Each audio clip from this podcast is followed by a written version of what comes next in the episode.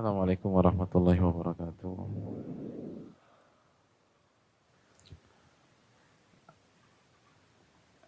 Innal hamdalillah nahmaduhu wa nasta'inuhu wa nastaghfiruh wa na'udzu billahi min shururi anfusina wa min sayyiati a'malina. Man yahdihillahu fala mudilla lahu wa man yudlil fala hadiyalah. Asyhadu an la ilaha illallah wahdahu la syarika lahu wa asyhadu anna Muhammadan عبده ورسوله. يا أيها الذين آمنوا اتقوا الله حق تقاته ولا تموتن إلا وأنتم مسلمون. يا أيها الناس اتقوا ربكم الذي خلقكم من نفس واحدة وخلق منها زوجها وبث منهما رجالا كثيرا ونساء. واتقوا الله الذي تساءلون به والأرحام. إن الله كان عليكم رقيبا. يا أيها الذين آمنوا اتقوا الله وقولوا قولا سديدا يصلح لكم أعمالكم ويغفر لكم ذنوبكم ومن يطع الله ورسوله فقد فاز فوزا عظيما وبعد Hadirin yang Allah muliakan, rekan-rekan, teman-teman, ikhwan dan akhwat, bapak-bapak, ibu-ibu yang saya muliakan, tidak ada kata yang pantas untuk kita ucapkan pada kesempatan kali ini kecuali bersyukur kepada Allah Subhanahu wa taala atas segala nikmat dan karunia yang Allah berikan kepada kita. Sebagaimana salawat dan salam semoga senantiasa tercerahkan kepada junjungan kita Nabi kita Muhammadin sallallahu alaihi wasallam beserta para keluarga, para sahabat dan orang-orang yang istiqomah berjalan di bawah naungan sunnah beliau sampai hari kiamat kelak. Hadirin yang Allah muliakan, Alhamdulillah kita bersyukur kepada Allah yang telah kembali mempertemukan kita pada kesempatan kali ini dan semoga kita mendapatkan ilmu yang bermanfaat dan dijauhkan dari ilmu yang tidak bermanfaat dan hanya menjadi bumerang bagi kita pada hari kiamat kelak. Dan semoga Allah, Allah berkahi majelis kita yang penuh dengan keterbatasan dan kekurangan ini khususnya dari yang berbicara dan uh, berposisi sebagai pemateri dan uh, masih ada teman-teman dan saudara-saudara kita yang belum bisa duduk jadi gak usah dilihatin, gak usah, gak usah. Nanti mereka grogi. Kita amalin aja hadis Nabi, tafassahu wa tawassa'u. Merapat, sehingga ada spot atau ada space kosong buat yang lain. Dan Allah katakan, yafsahillahu lakum. Kalau kita berkenan merapat, walaupun hanya uh, sedikit gitu loh.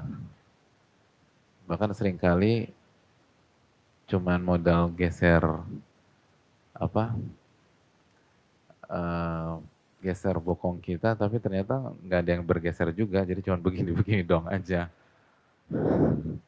Ya. Tapi semoga upaya kita itu diberikan ganjaran oleh Allah Subhanahu wa taala. Dan uh, sekali lagi Allah akan lapangkan uh, diri kita, Allah lapangkan uh, kita dari atau dalam menghadapi masalah-masalah kehidupan.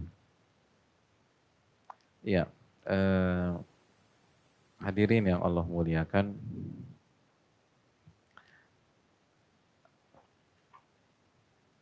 uh, ada ada salah satu jamaah di sini yang waktu dua pekan lalu uh, kehujanan sehingga bajunya lepek. Dan ketika saya tanya kenapa lepek? Naik apa uh, ke sini naik motor ya saya tanya begitu.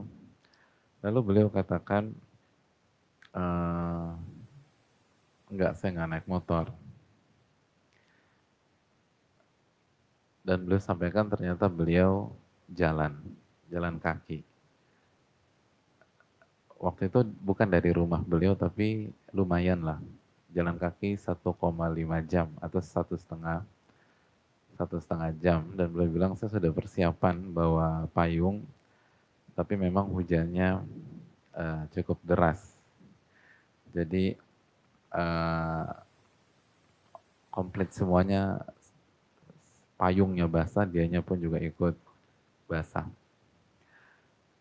Uh, dan beliau bukannya nggak mampu untuk naik kendaraan umum atau naik kendaraan pribadi, itu yang saya tangkap. Tapi hanya ingin mengamalkan riwayat-riwayat yang sudah kita pelajari di majelis ini. Bagaimana Abdul Waqat jalan kaki untuk mendapatkan riwayat Sahih Bukhari, dan para ulama-ulama dahulu. Dan para ulama-ulama dahulu. Uh, dan hadirin yang Allah muliakan sekali lagi satu setengah jam uh, jalan kaki. Dan saya juga uh, mengetahui bahwa ada di antara jamaah yang datang dari Tanjung Priok jalan kaki. Tanjung Priok jalan kaki. Lagi-lagi hanya untuk e, mengamalkan apa yang dilakukan para ulama-ulama klasik terdahulu. E, dan mereka bukan karena nggak punya uang. Dan kalau ada mengatakan waktunya habis Ustadz, Enggak juga. Tergantung sambil jalan antum ngapain. Kalau sambil jalan baca Quran, lalu atau murojaah, atau berzikir kepada Allah Subhanahu wa taala, atau baca buku, maka tidak ada waktu yang terbuang. Uh, saya ingin menyampaikan bahwa buat kita semua Itulah kira-kira profil profil kompetitor kita dalam kebaikan di majelis ini. Kita belum bicara skop skop besar loh hadirin. Kita baru bicara di majelis kita ini. Majelis yang banyak sekali kekurangan dan kelemahannya.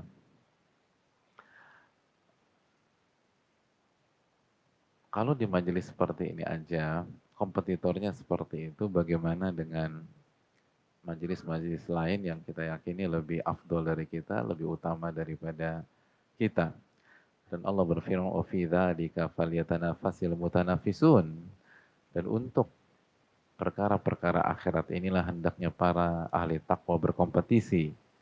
Jadi itu kompetitor antum loh yang kayak begitu, yang jalan kaki satu setengah jam.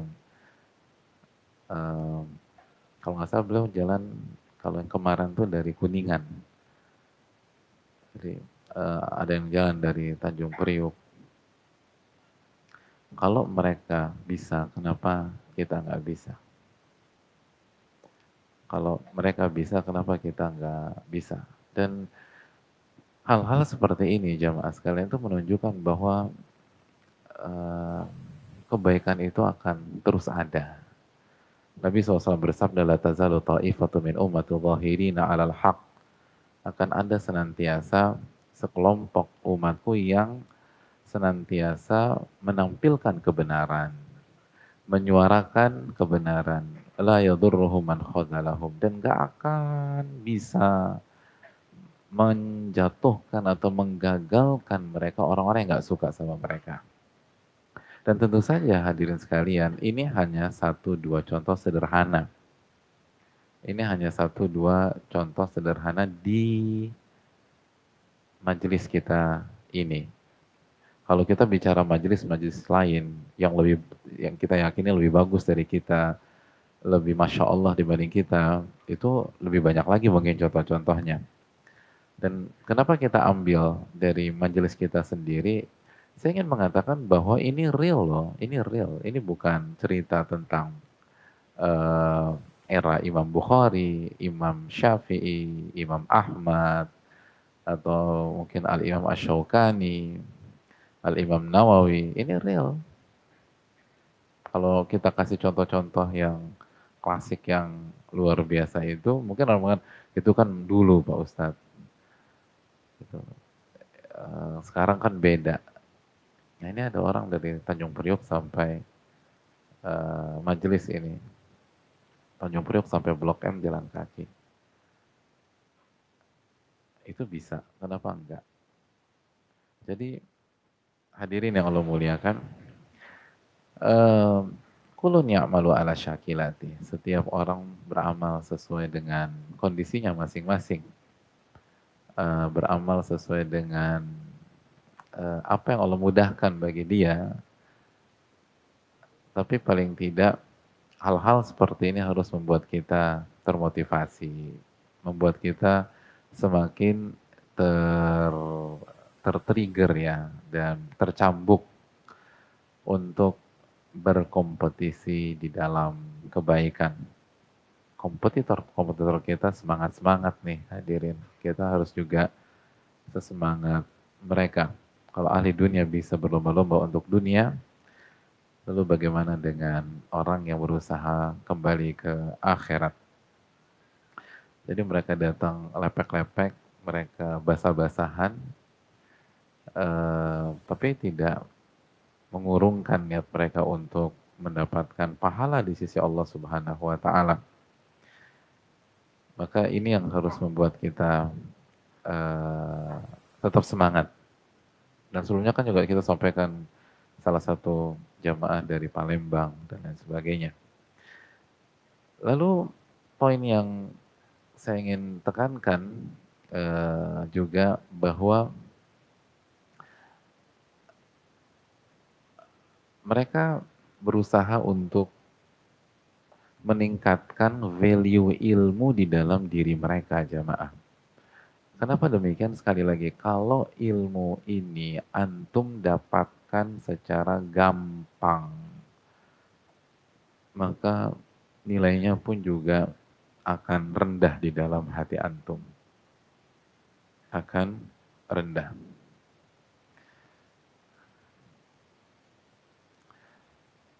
Itulah sebabnya hadirin uh, mengapa proses Nabi mendapatkan wahyu itu susah.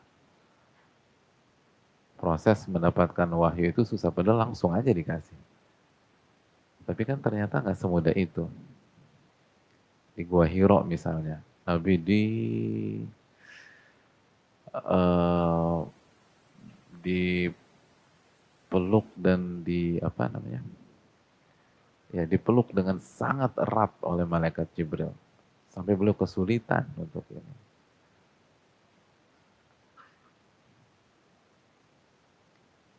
Lalu kita tahu dalam hadis Bukhari kalau wahyu turun itu belum keringetan. Al-Hafidh Ibnu Hajar menjelaskan bahwa proses mendapatkan wahyu itu susah. Untuk apa? Untuk ta'zim, untuk memuliakan wahyu tersebut ta'zim hadirin. Karena kalau dapatnya gampangan, kaidah para ulama mengatakan manja sahla zahaba sahla. Sesuatu yang datangnya mudah, itu hilangnya juga mudah. Hilangnya juga mudah.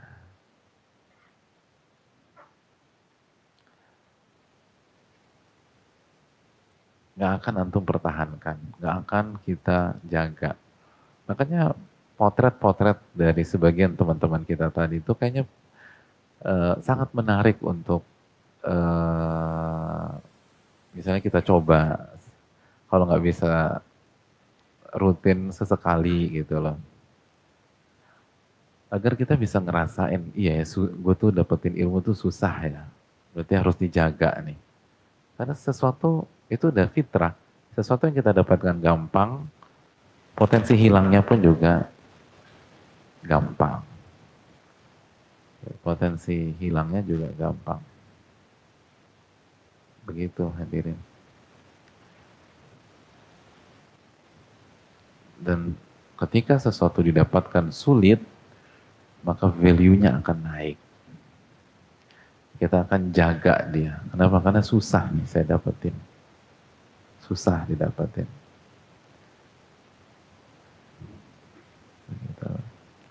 Itu yang uh, perlu kita camkan. Iya kan? Sesuatu yang susah dapetin kan harganya mahal-mahal hadirin. Harganya mahal. Dan begitu didapat, dijaga. Yang hobi sneakers, ada tempat sepatu khusus. Ibu-ibu yang suka tas, ada lemari tas khusus.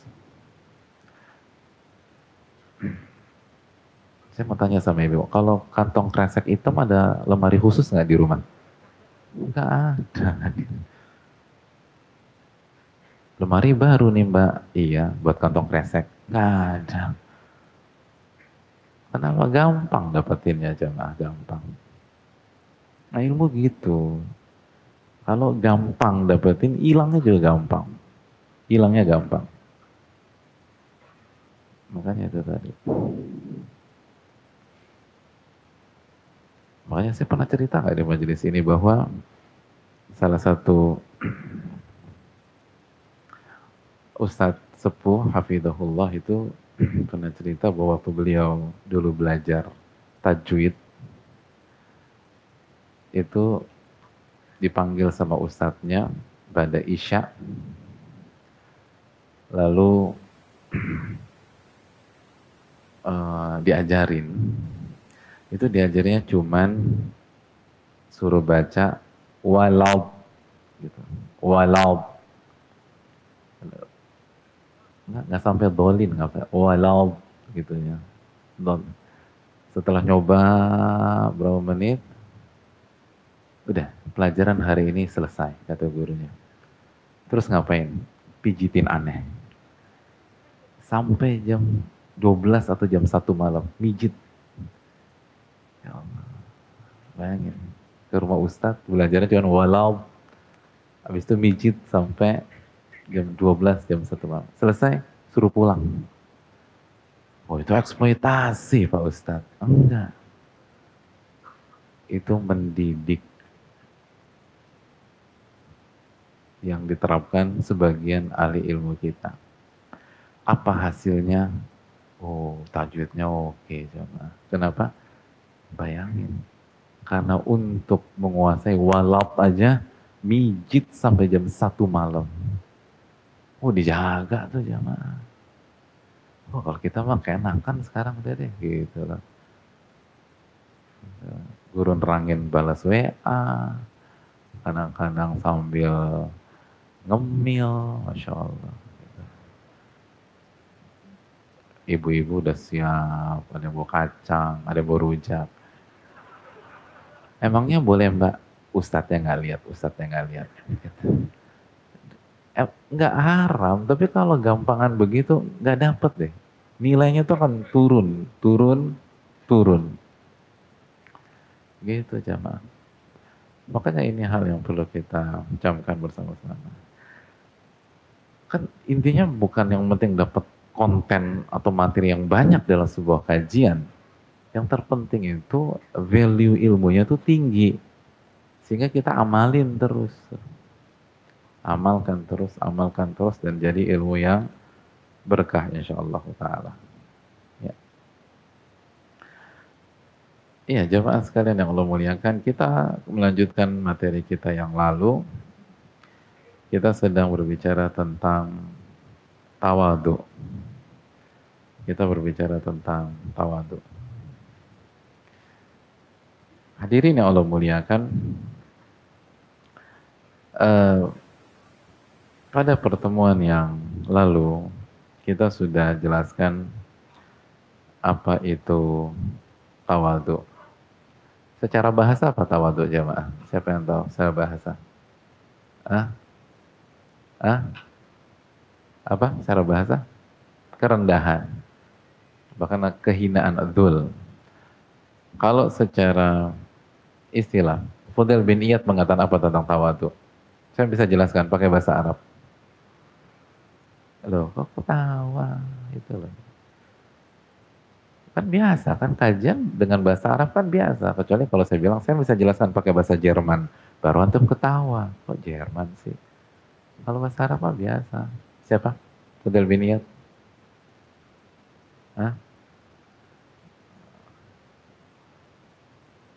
Nggak ada. Akhwat, akhwat. Pakai bahasa Arab. Hah? Nggak ada juga?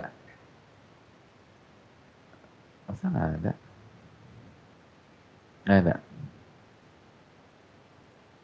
Antum, coba. Namanya siapa, Mas?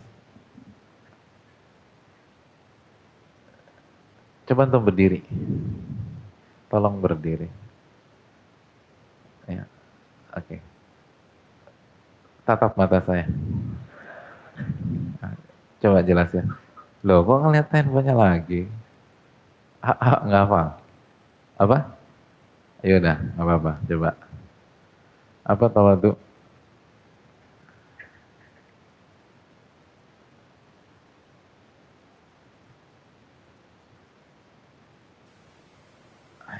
Masya Allah. Nama tuh siapa? Hah? Hah? Kok bisa berubah begitu? Dalam hitungan dua detik?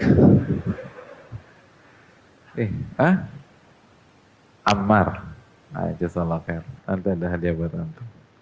Syukuran Ammar. Iya, eh, tawadu eh, dijelaskan al-Imam Fudail bin Iyad.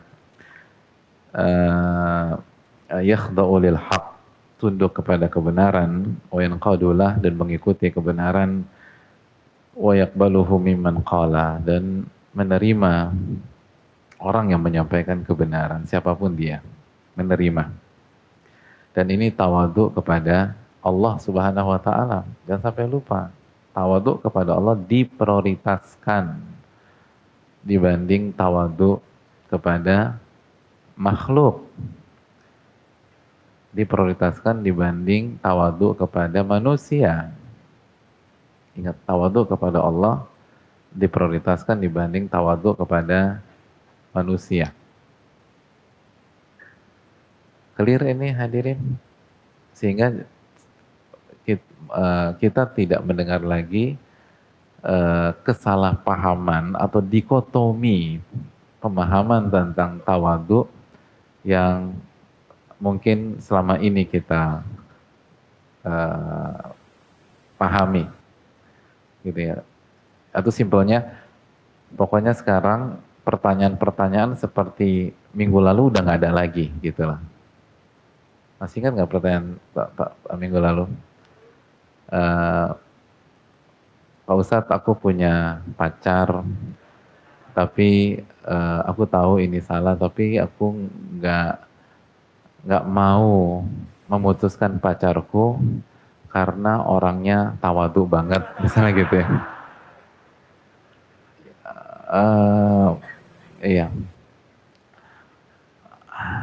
Kalau orangnya tawadu banget, maka dia nggak akan pacaran hadirin. Karena ada hal-hal yang tidak atau ada hal-hal yang tidak disukai oleh Allah yang nggak bisa dilepaskan ketika kita melakukan proses pacaran. Gitu. Jadi uh, maksud penanya tersebut adalah tawadu kepada manusia mungkin. Padahal ketika seseorang sudah dikatakan tawadu itu satu paket tuh jamaah. Dan yang pertama kali harus tawadu kepada Allah. Dia harus punya mental menerima kebenaran. Nurut kepada kebenaran dan mau terima kebenaran dari siapa pun yang mengatakan dari siapa pun yang mengatakan. Dari siapa pun yang mengatakan. Jadi nggak ada kesombongan nggak ada meremehkan dan lain sebagainya. Oleh karena oleh karenanya jemaah sekalian uh, tawadu kepada Allah harus kita uh, camkan baik-baik. Adapun tawadu kepada manusia, saya bisa terangkan ucapan dari Al-Imam Hasan Al-Basri pakai bahasa Arab. Apa? Bisanya bahasa apa? Prancis. Nah. Oh, Indonesia, oke. Okay. Apa bahasa Indonesia-nya? Apa? Saya disuruh keluar, apa sih? Oh iya, iya, engkau keluar bahasanya gitu tadi enggak? Oke. Okay. Terus dan apa? Oke. Okay. Makasih banyak. Nama tuh siapa? Iqbal, makasih Bang. Yang uh, beliau udah sampaikan bahasa Indonesia, bahasa Arabnya ada bisa sampaikan nggak? Antum yang pakai yang belakang.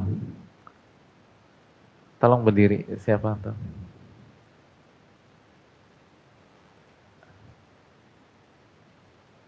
Enras.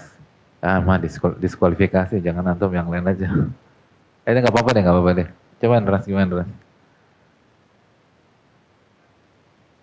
Nah.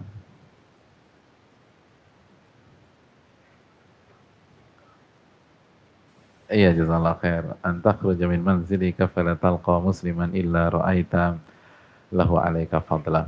Ya engkau keluar dari rumahmu dan tidaklah engkau bertemu dengan seorang muslim kecuali Anda merasa dia lebih utama dari dirimu. Dia lebih utama darimu. Gimana? jamaah sekalian udah bisa diamalkan belum? Jadi dia lebih utama dari kita, lebih baik daripada kita, lebih punya keutamaan daripada kita. Nggak boleh kita, nggak boleh kita remehkan. Makanya Al Imam Abdurrahman bin Mahdi, Al Imam Abdurrahman bin Mahdi pernah mengatakan, "Idza laqiya ar-rajulu ar-rajula fawqahu fil ilmi fahuwa yawma ghanimatihi." apabila seseorang bertemu dengan orang yang lebih alim dari dia, maka dia merasa inilah hari gonimahnya. Gonimahnya itu kalau bahasa kita mungkin hari keberuntungannya. Gonimah itu diambil dari kata-kata uh, atau diambil dari gonimah perang ya, harta rampasan perang. Tapi mungkin istilah ini kurang familiar di narasi kita atau di diksi kita. Jadi kalau kita terjemahkan mungkin uh, ini hari keberuntungan. Jadi ketemu dengan yang lebih alim, ini hari keberuntungan saya nih. Saya bisa belajar dari dia, bisa minta manfaat atau masukan dari dia, minta nasihat dari dia dan seterusnya. Wa idza laqiya man huwa mithlu darasahu wa ta'allama an wa ta'allama minhu. Dan kalau dia ketemu dengan yang selevel dengan dia secara ilmu, maka dia sharing, saling murojaah, saling belajar satu dengan yang lain. Jadi saling memberi, tuker-tukeran ilmu gitu. Tapi mereka satu level nih. Mungkin ada yang miss dari saya dikasih masukan, lalu ada yang miss dari dia kita kasih masukan. Jadi senang gitu loh, ketemu yang selevel tuh yang terjadi adalah saling mudarosah. Wa idza laqiya man huwa duna tawadha'a wa 'allamah. Dan kalau ketemu dengan yang di bawah dia, maka orang itu akan rendah hati, tawadu, dan akan ajarin orang tersebut. Itu tuh, penuntut ilmu tuh gitu hadirin. Seperti Abdurrahman bin Mahdi tadi. Penuntut ilmu itu apabila ketemu yang lebih tinggi ilmunya, seneng banget dia tuh. Bisa nanya-nanya, bisa minta masukan. Kalau yang ketemu dengan selevel, bisa tuker-tukeran ilmu gitu loh. Kalau ketemu di bawahnya, diajarin, terus tawadu, nggak pamer dan lain sebagainya. Hadirin yang Allah muliakan, tapi masalahnya tuh nggak sesimpel itu. Khususnya banyak di antara orang itu uh, sudah terbiasa untuk uh, menyombongkan diri. Tapi dia mau berubah nih. Dia hijrah, dia mau berubah maka memiliki level seperti yang dikatakan Abdurrahman bin Mahdi, memiliki level seperti yang dikatakan oleh Aisyah, itu sangat-sangat tidak mudah. Sangat-sangat gak mudah. Terlebih lagi jamaah,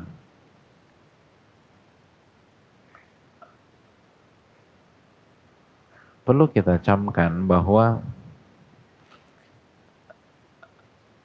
di dalam dunia ilmu itu sendiri ada ego, ada ego, ada uh, pemicu yang membuat kita tuh merasa tinggi. Kalau kita tidak sadar dan kita cover dari awal.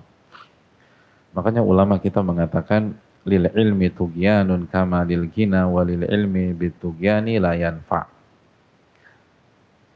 Kata para ulama kita, di dalam ilmu pun ada tugian, ada ada keangkuhan. Sebagaimana dalam dunia harta itu ada keangkuhan.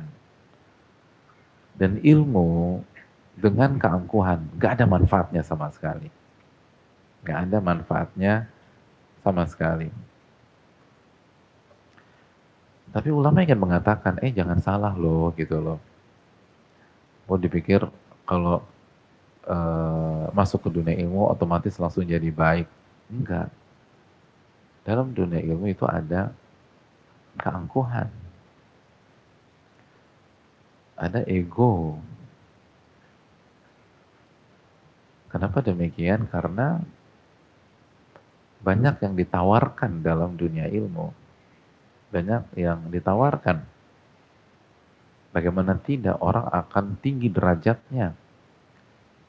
Jangankan di akhirat, di dunia saja ketika seorang punya banyak ilmu dia akan dihormati. Dia akan dikagumi mungkin.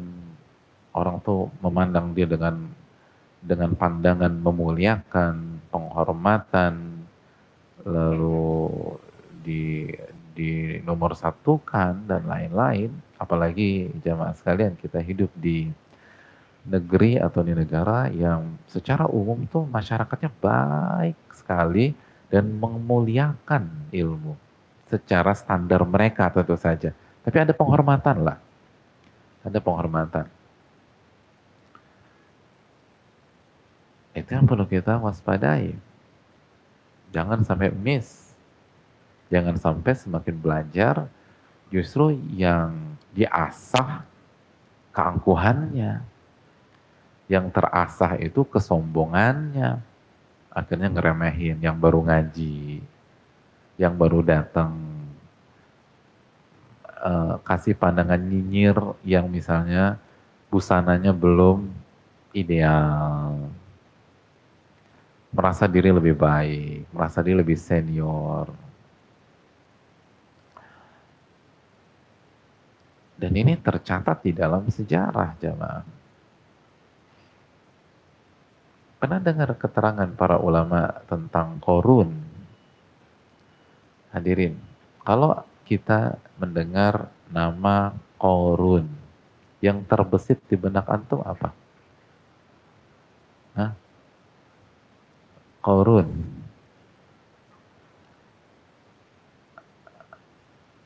Korun.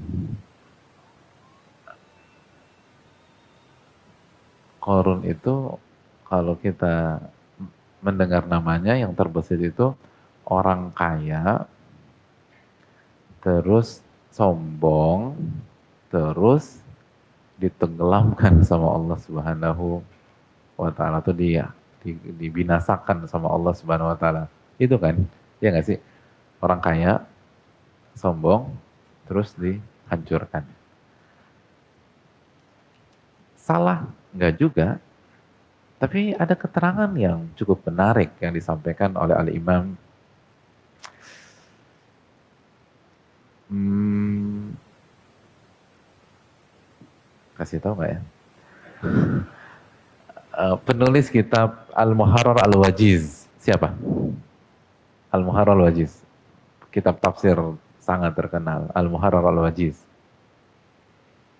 Ah Siapa penulis Al-Muharrar Al-Wajiz? Al-Muharrar Al-Wajiz. Ah? Siapa? Bukan saya. Iya, saya tahu bukan Anda. Siapa? Ibnu Atiyah. Rahimahullah. Imam Ibnu Atiyah. Beliau mengatakan Ibnu Atiyah ain ta ya tak marbutah Ibnu Atiyah uh, beliau mengatakan wa huwa Qarun bi ijma' rajulun min Bani Israel.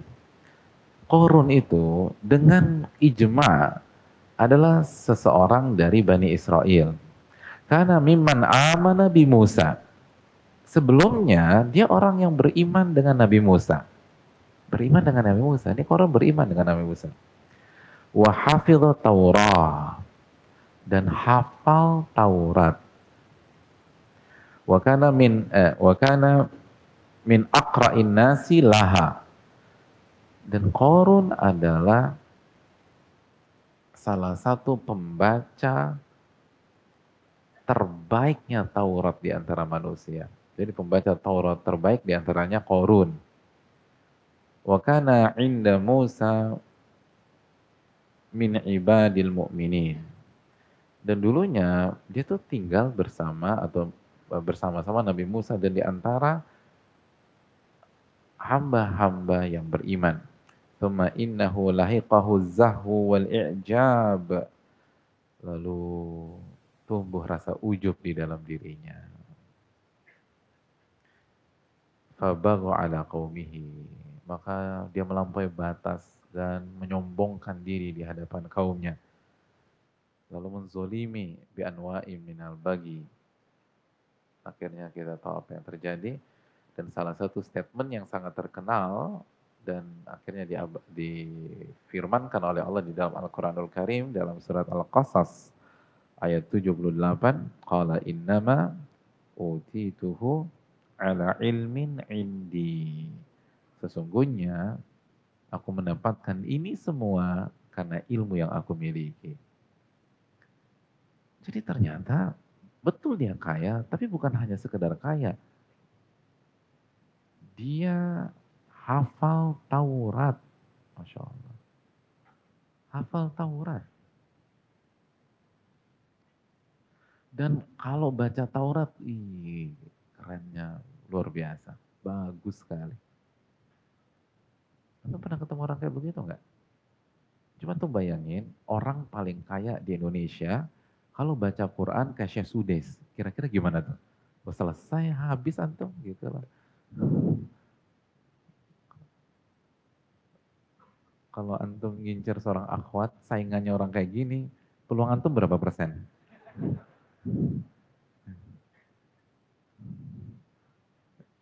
Peluang antum 50 persen, minus.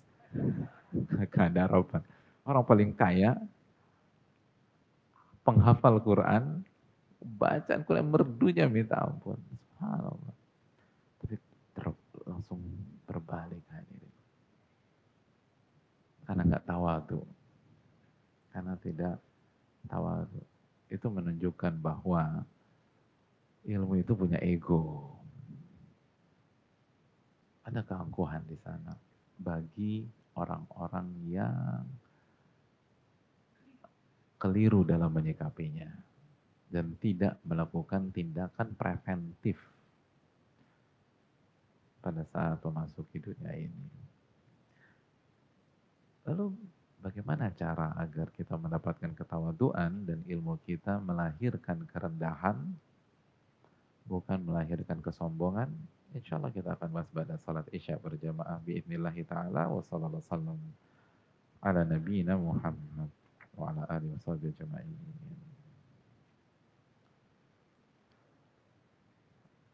Alhamdulillah hamdan katsiran thayyiban mubarakan fi kama yuhibbu rabbuna wa yarda wa salatu wassalamu ala nabiyyina Muhammadin wa ala alihi wa sahbihi wa man sara ala nahjihi bi ihsanin ila minin wa ba'd. Allahumma inna nas'aluka ilman nafi'an wa na'udzubika min ilmin la yanfa' uh, jamaah sekalian yang sebelum kita mulai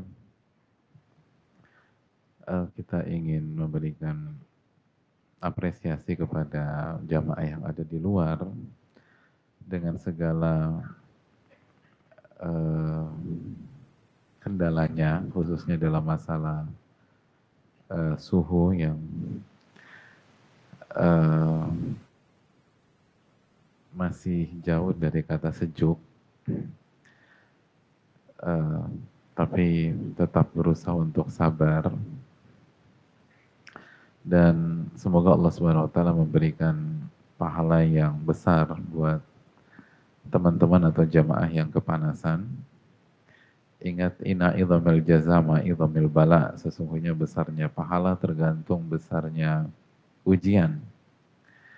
Dan uh, ingat baik-baik, khususnya yang di luar, bahwa yang kita rasakan nggak ada apa-apanya dibanding pengorbanan para ulama dulu dan yang sekarang. Jadi dan itu sunatullah. Itu sunatullah. Uh, pasti akan ada kendala dan uh, kita tahu bersama bahwa uh, pihak masjid semoga Allah berkahi dan jaga mereka berupaya untuk melakukan perluasan dan semoga Allah mudahkan dan jika itu sudah terwujud maka insya Allah akan lebih lebih nyaman. Tapi sekali lagi hadirin yang Allah muliakan bahwa uh, kenyamanan sejatinya adalah kenyamanan hati. Maka barang siapa yang bisa uh, tetap duduk dengan menumbuhkan rasa kona'ah di dalam dirinya, insya Allah akan sangat membantu dia menjaga kesabarannya dalam uh, kajian demi kajian. Itu uh, poinnya. Poin yang kedua yang saya ingin tambahkan sebelum kita masuk ke materi, uh, sekali lagi uh, jangan lupa bahwa uh, kesempurnaan uh, keberkahan kajian kita itu salah satunya adalah upaya kita tetap bertahan sampai akhir, sampai sisi sesi materi dan sesi kaji, eh, sesi tanya jawab kita tuntaskan. Oleh karena itu eh, usahakan tetap bertahan sampai akhir, eh, kecuali ada udur atau kecuali ada kondisi yang tidak bisa di eh, tidak bisa ditunda lagi. Ingat hal-hal seperti ini kita kembalikan ke diri kita. Adapun ketika kita melihat saudara kita, kita memberikan uzur dan kita uh, berbaik sangka kepada mereka. Berbaik sangka kepada mereka dan jangan diomongin. Atau mau lihat nggak orang-orang yang berkahnya kurang? Nah itu lihat ya, yang pulang tuh. Jangan bilang demikian. Jangan bilang demikian Tapi kita berikan uh, udur kita dan kita tetap positive thinking kepada mereka dan kita berusaha berlaku idealis bagi diri kita sendiri. Wallahu taala alam bisawab. Ya. Uh, hadirin yang dirahmati oleh Allah Subhanahu wa taala, lalu bagaimana dengan mewujudkan ketawaduan? Itu isu besarnya bagaimana menumbuhkan ketawaduan. Uh, hadirin yang Allah muliakan,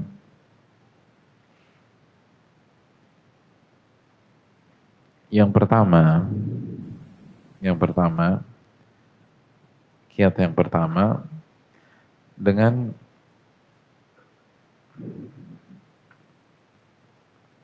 mengetahui bahwa kunci kesuksesan di dunia ilmu salah satunya adalah dengan selalu berusaha untuk tetap tawadu. Jadi salah satu kunci sukses di dunia ilmu adalah selalu berusaha untuk bersikap tawadu. Baik tawadu kepada Allah maupun tawadu kepada manusia. Hal ini disampaikan oleh Imam Ash-Syafi'i rahimahullah, ulama kebanggaan kita. Beliau menyatakan la yatlub hadzal ilma ahadun bil mulki wa izzati nafsi fayuflih. Tidak ada seorang pun yang menuntut ilmu hanya bermodalkan kekayaan dia, kekuasaan dia, dan uh, izzatun nafs dan apa ya uh, ke, kemuliaan jiwanya uh, gengsinya atau pride-nya, lalu dia sukses dalam ilmu. Itu nggak ada kata Imam Syafi'i. Nggak ada orang yang menuntut ilmu dengan mengandalkan uang, mengandalkan, mengandalkan kekuasaan, menambah, mengandalkan kebesaran jiwa atau uh, gengsi, lalu dia sukses. Tidak ada, kata Imam Syafi'i, nggak ada. Nggak ada orang kayak gitu di dunia ilmu. Semua yang sukses profilnya nggak kayak demikian. Walakin man talabahu bidhillati nafas wa dhikil aish wa khidmatil ilm wa tawadu'in nafas aflah. Namun orang yang menuntut ilmu dengan menghinakan dirinya lalu dengan kesempitan hidup lalu dengan berkhidmat kepada ilmu dalam riwayat lain berkhidmat kepada ahli ilmu dan tawadu kerendahan hati, aflah, maka dia yang akan sukses. Dia yang akan sukses. Jadi barang siapa yang menuntut ilmu dengan kehinaan hati atau kehinaan jiwa, lalu dikil aish, kesempitan hidup, wa khidmatil ilm, dan berkhidmat atau memuliakan ilmu. Dalam riwayat ahli ilmu dan tawadu kerendahan hati dia yang akan sukses. Itu kesimpulan Al-Imam Ash-Syafi'i dari ayat-ayat Al-Quran, hadis-hadis Nabi SAW dan pengalaman beliau sebagai ulama konklusinya seperti itu hadirin gak ada yang sukses dengan kesombongan Nggak ada yang sukses dengan keangkuhan.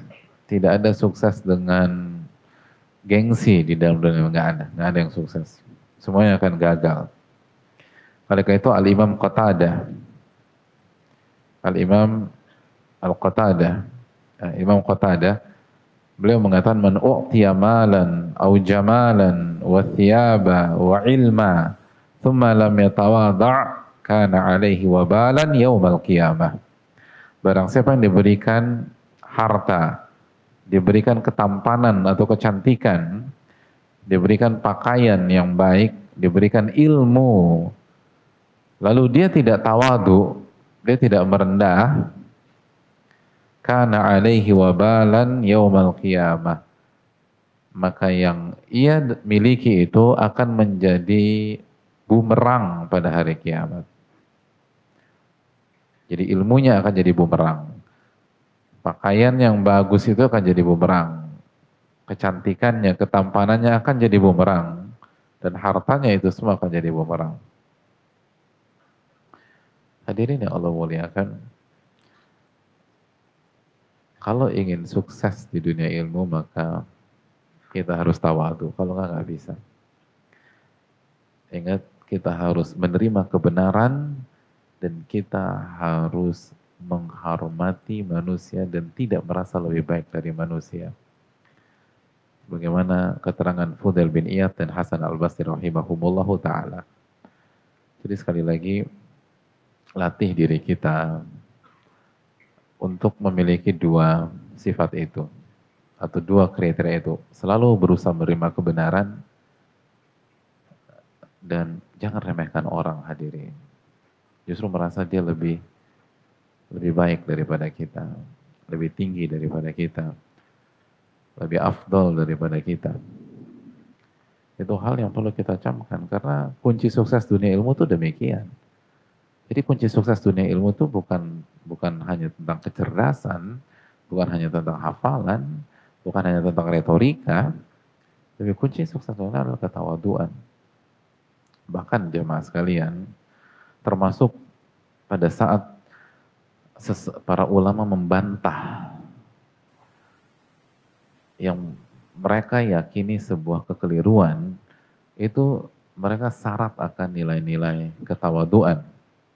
Sebagai contoh adalah ketika Al-Imam Syihabuddin Ar-Ramli membantah salah satu ahli ilmu. Dan bantahan ini bisa dibaca dalam kitab Faidul Qadir. Setelah dibantah, saya nggak akan bacakan semuanya. Setelah, atau artinya dalam bantahan tersebut, beliau mengatakan begini, وَلَيْسَ حِكَايَةِ لِذَلِكَ مِنْ قَبِيلِ الْغَضِّ مِنْهُ وَلَا تَعْنْ عَلَيْهِ Dan apa yang saya sampaikan itu bukan karena uh, benci atau nggak suka sama beliau dan ingin menyerang beliau. Bal hadaran an yuqallidahu ba'dul agbiya fi makhtarah. Namun saya bantah beliau itu hanya agar orang-orang awam tidak mengikuti pandangan beliau tersebut. Sima ma khalafa fihi al-a'immatul arba'ah iktiraran bidakwah. Dan tidak menjadikan pandangannya tersebut yang menyelisihi pandangan empat imam madhab. Jadi pandangan yang beliau bantah itu menyelisihi empat imam madhab itu dijadikan madhab oleh orang yang tidak mengerti. Karena terbawa apa yang beliau sampaikan.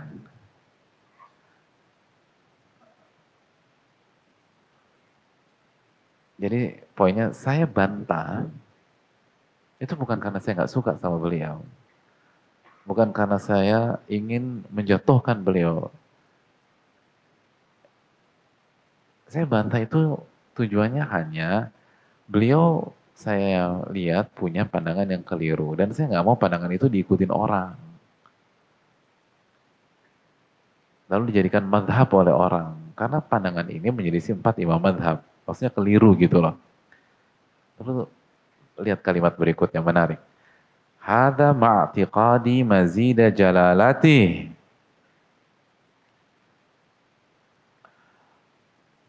wa farta sa'ati ittila'i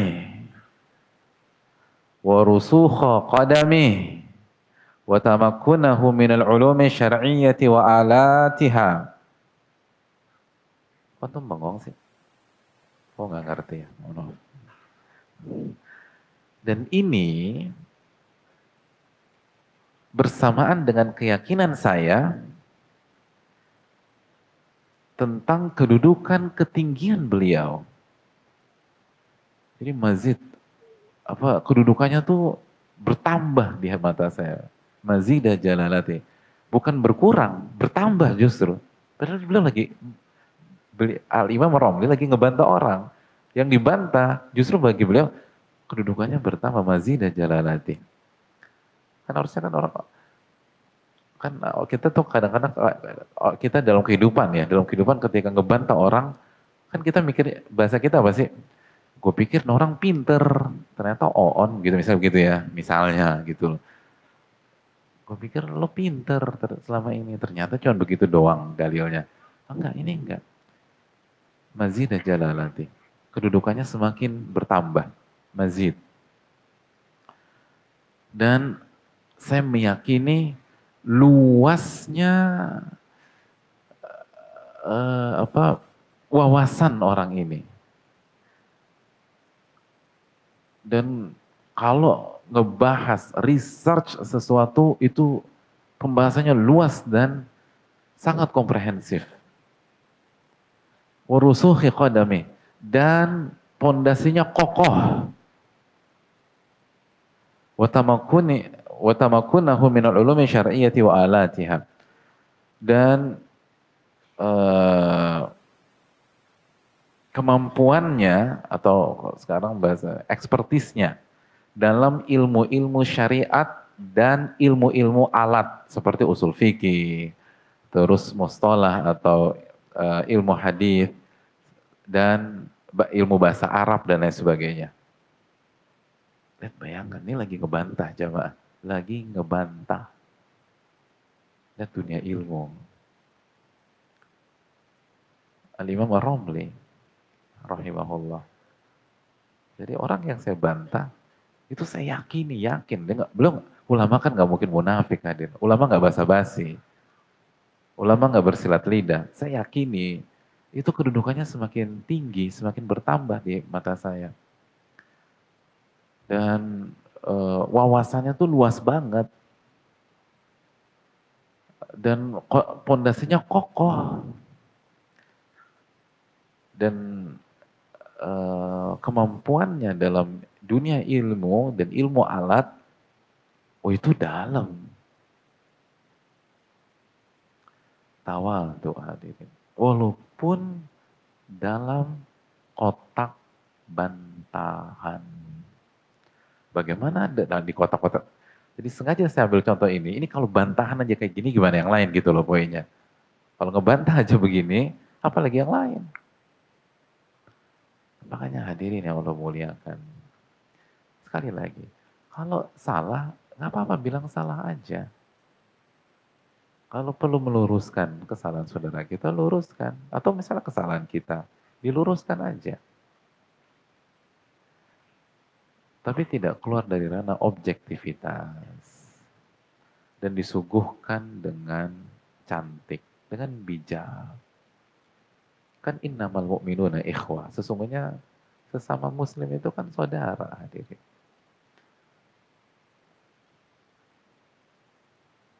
Ini yang perlu kita camkan. Sama seperti Al-Imam Ibnul Qayyim dalam Madarijus Salikin ketika uh, membantah ucapan gurunya, beliau kata apa? Syekhul Islam habibun ilaina walakinnal haqqa ahabbu ilaina minhu. Ini guru saya, Syekhul Islam. Alim besar. Syekhnya umat Islam, syekhnya agama Islam. Oh alim. Kita ini sayang banget sama beliau. Tapi kebenaran lebih saya atau kami sayangi daripada beliau. Enak kan hadir. Ini dah, pada saat nggak setuju, alim, oh, syekh. Kita sayang sama beliau, tapi kebenaran lebih kita cintai daripada beliau. Ini kunci sukses dunia ilmu jamaah. Kunci sukses. Kerendahan menerima kebenaran dan tidak meremehkan orang, tidak menjatuhkan orang. Bahkan merasa orang itu di atas kita, merasa orang itu di lebih tinggi di uh, dari kita, termasuk orang yang sedang kita bantah misalnya sebagaimana yang dilakukan oleh Imam Romli. Karena para ulama ketika membantah jamaah itu mereka berusaha seobjektivitas mungkin. Makanya dalam rangka menolong. Jadi semangat membantah itu di antaranya semangat pertolongan unsur akhaka zaliman au mazluma dalam hadis muslim. Tolonglah saudaramu yang zolim dan yang terzolimi. Para sahabat bingung. Hmm, nolong orang yang terzolimi kita udah ngerti ini maksudnya. Terus gimana nolong orang yang zolim gitu. Nolong orang yang zolim. Gimana caranya hadirin? Nolong orang yang zolim. Antum ngeliat sebelah kanan antum dua orang ngambil handphone orang depannya dia. Terus gimana antum nolongin dia tuh? Nah, kasih tau pintu keluar. Mas, mas di situ mas. Dia dia lagi serius, mendingan mas pulang sekarang. Gimana cara nolong orang yang zolim? Kata Nabi SAW, cegah dia dari kezolimannya. Itu pertolongan. Pertolongan. Ada orang salah, tolong. Gimana caranya? Arahin dia, jangan biar salah lagi. Gitu hadir. Pandangannya keliru, tolong. Gimana caranya? Luruskan gitu. Jadi jadi uh, atmosfer yang dibangun, narasi yang dibangun, itu bukan narasi kesombongan, tapi pertolongan. Jadi biasanya gini nih, maksud saya hanya nolong Anda. Ada pun ilmu jagoan Anda daripada saya. Ilmu hebatan Anda daripada saya. Ya kalau itu bahasa basi kali. Buktinya Anda bantah saya Loh, nggak sah nggak harus orang yang lebih pintar dari kita itu senantiasa di atas kita dalam sebuah dalam semua hal. Ya analogi sederhana deh. Antum pernah nggak waktu kuliah, waktu SMA, eh, kita nilai fisikanya tiga. Teman kita nilai fisikanya sembilan kita dapat tiga, dia dapat sembilan. Uh, kita hanya benar tiga.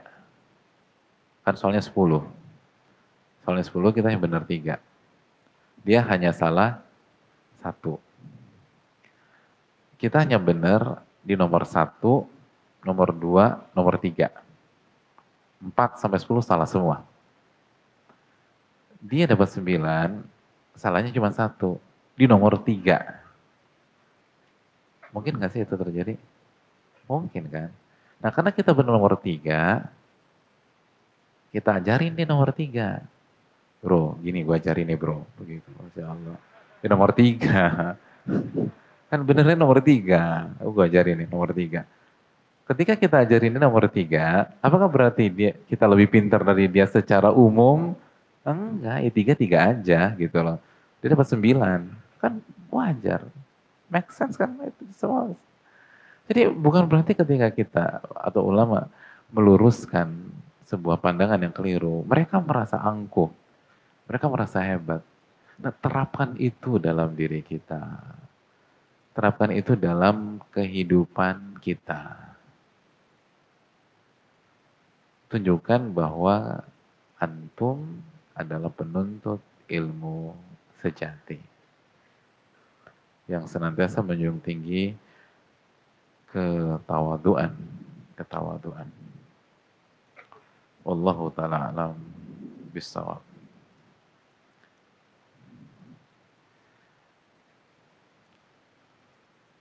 Itu uh, poin yang pertama kunci sukses di dunia ilmu adalah tawadu, menerima kebenaran dan tidak meremehkan orang. Bahkan hadirin sebelum kita masuk ke kiat yang kedua, bahkan eh, para ulama itu eh, tetap bersabar terhadap sikap guru mereka yang mungkin kurang tepat, seperti marah, dan mereka tetap mengambil ilmu dari guru tersebut, walaupun tidak tepat nih. Kenapa demikian? Karena namanya tawadu harus menerima dari siapa pun Walaupun tuh orang nyebelin.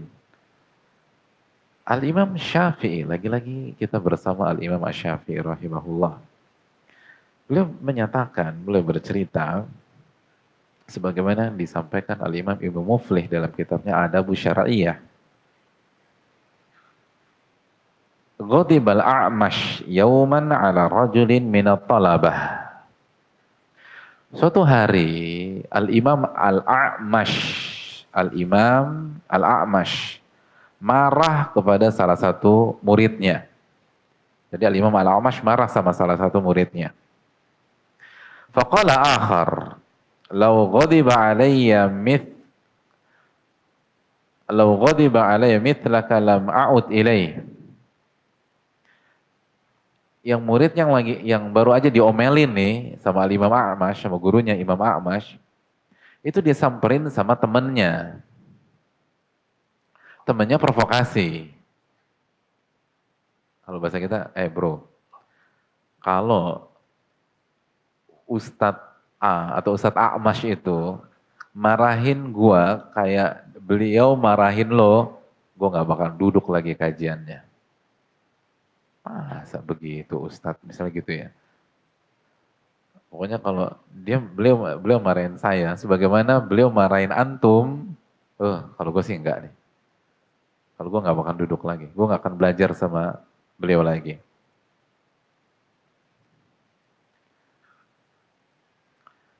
Eh ucapan tuh orang didengar sama Imam Akmash. Kata Imam Akmash, idan huwa ahmak. Mithluk. Kalau begitu, tuh orang dungu. Seperti Anda yatruku ma yanfa'uhu li su'i khuluqi. Kenapa dikatakan dungu? Karena dia meninggalkan ilmu yang bermanfaat untuk kehidupannya hanya gara-gara buruknya akhlak saya.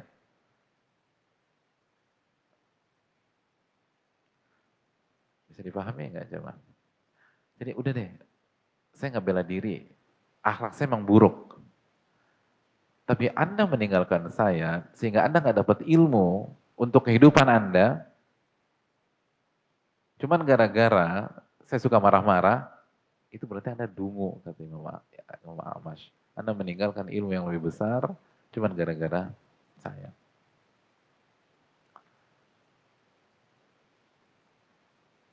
Meninggalkan kebenaran, cuman gara-gara orang yang nyebelin. Lihat dunia ilmu seperti itu jangan. Jadi sekali lagi tawaduklah, terimalah kebenaran dan uh, hormatilah manusia. Dan kalau kita diuji, yang kasih kebenaran itu perangainya nggak baik, sikapnya nggak baik, attitude-nya nggak bagus, mannernya tidak uh, layak, tetap terima kebenaran. Kalau enggak, kita akan difonis oleh para ulama sebagai orang dungu. Walau ta'ala. Karena itu kunci agar bisa sukses di dunia ilmu.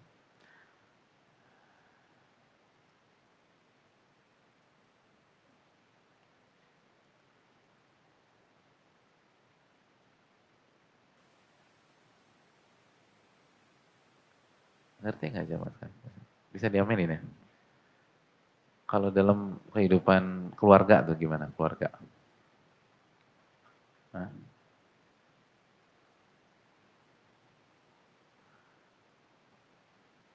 Hmm, misalnya antum sebagai suami lagi negor istri. Eh istrinya ngejawab. Nyebelin gak sih kalau istrinya ngejawab? Nyebelin ya? Iyalah Pak Ustadz. Dia nggak jawab aja dia nyebelin Pak Ustadz. Apalagi dia nggak jawab gitu. Kayak udah sebel banget sama bininya.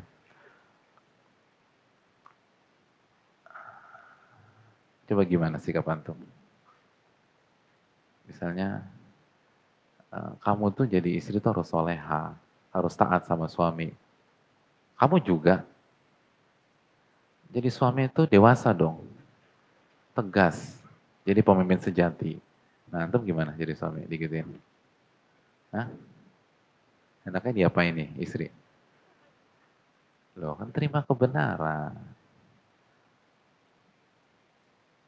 Gimana sih kapan tuh? Ah, terima kasih atas masukannya gitu. Bisa nggak? Nggak bisa. Ya kan, dan itu benar. Ternyata kita tuh jadi suami nggak tegas, terus nggak dewasa dan seterusnya. Udah terima aja, udah terima aja. Gitu. Atau para istri gitu, uh, suami pulang malam, uh, pulang malam jam setengah dua misalnya. Ibu sebel nggak bu kalau suami pulang jam setengah dua? Enggak ya, aku mah senang Pak Ustadz nggak ada di rumah. tahu, tahu parah. Setengah dua. Udah, udah, udah pengennya kasih nasihat. Kamu tuh dari mana sih gitu loh. Ngaku ada rapat. Bohong lagi nih suami kita. Kita udah cek semua teman-temannya udah pada bukan udah pada pulang lagi, udah pada tidur jam 9 malam di rumah masing-masing gitu loh. Jadi dia rapat sama siapa? Terus mas, aku udah cek. Itu semua orang udah pada tidur jadi dari jam 9. Kan udah kedesak diserang balik si istri.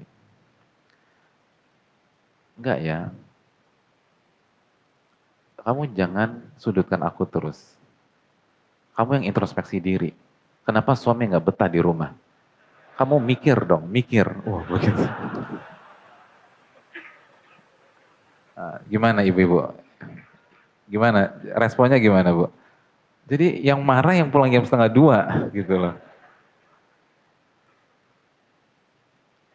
Ibu-ibu bilang, iya oke, terima kasih saya akan introspeksi diri. Udah introspeksi diri aja udah. Bisa bu ya?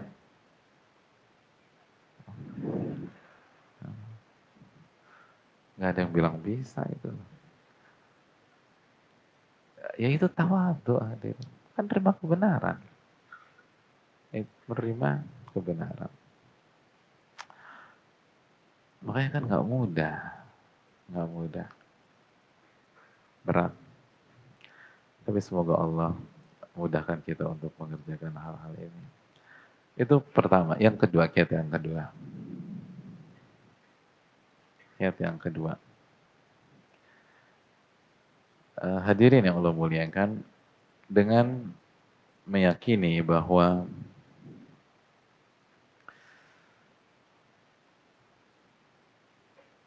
kemuliaan, ketinggian itu ada pada ketawaduan, bukan pada kesombongan dan keangkuhan. Kemuliaan dan ketinggian itu ada pada ketawaduan. Bukan terdapat pada kesombongan. Nabi Shallallahu Alaihi Wasallam bersabda dalam hadis riwayat Imam Muslim dari Abu Hurairah, "Wa ma tawadha'a ahadun lillahi illa rafa'ahu Allah." Dan tidaklah seorang hamba bertawadu karena Allah ini bottom line ya, ini yang digaris bawahi. Tawadu karena Allah. Kecuali Allah akan angkat derajatnya. Kecuali Allah akan angkat derajatnya.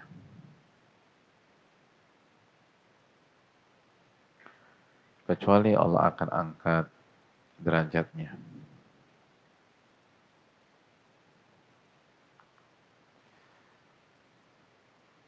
Jadi hal gini loh hadirin. Kenapa orang memilih jalur kesombongan? Padahal banyak orang tahu sombong tuh nggak boleh. Sombong tuh nggak boleh. Itu mayoritas berpikir bahwa dengan kesombonganlah aku menjadi mulia. Aku dipandang oleh masyarakat. Aku diakui. Aku tinggi. Jadi kalau nggak pakai kesombongan nggak bisa tuh. Ah ini keliru. Justru kalau mau kalau memang Anda ingin tinggi, Anda ingin mulia, mulialah dengan cara yang berkelas. mulialah dengan cara yang elegan. Dan yang berkelas adalah tawadu dan hanya karena Allah. Ingat, karena Allah. Bukan tawadu karena untuk meningkatkan mutu. Karena banyak orang berusaha merendah untuk naik gitu loh.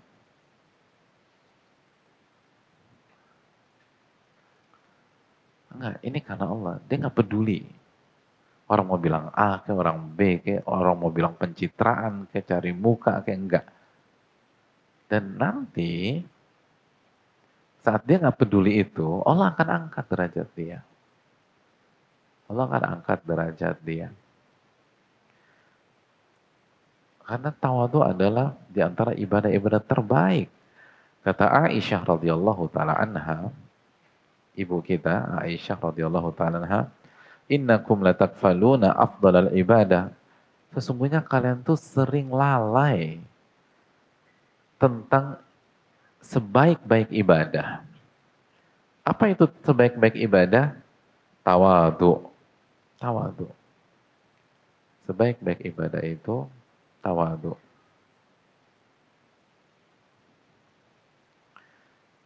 Jadi hadirin yang Allah muliakan,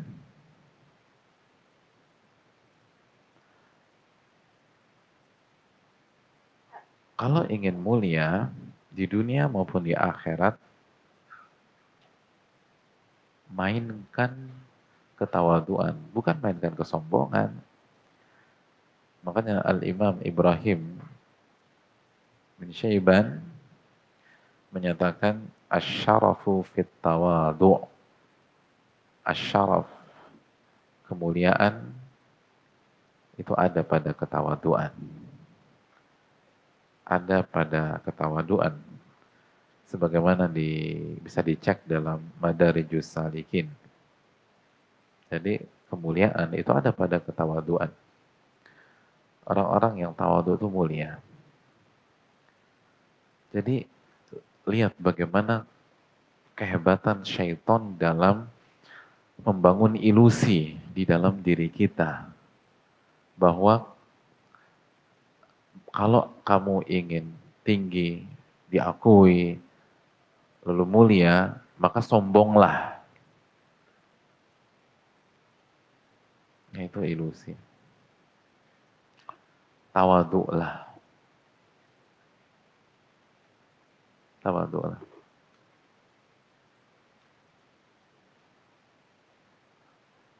Ya nggak sih hadirin sekalian? Ya sederhana deh. Apa yang membuat kita susah banget nerima masukan misalnya? Hah? Cari alasan lah, cari inilah, cari itulah, dikasih nasihat, ngebantah lah, cari nasihat, ngejawab lah. Karena kan kita nggak, kita ilusinya adalah kalau saya terima berarti saya kalah. Kalau saya terima berarti saya di bawah dia.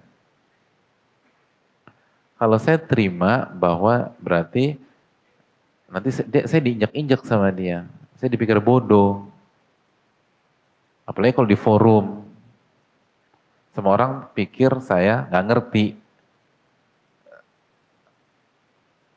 Kan itu yang dibangun oleh syaitan. Itu yang dibangun oleh syaitan. Jadi alasan lah, inilah, itulah, agar tetap terlihat pinter, agar agar nggak nggak eh, nggak duduk di kursi pesakitan.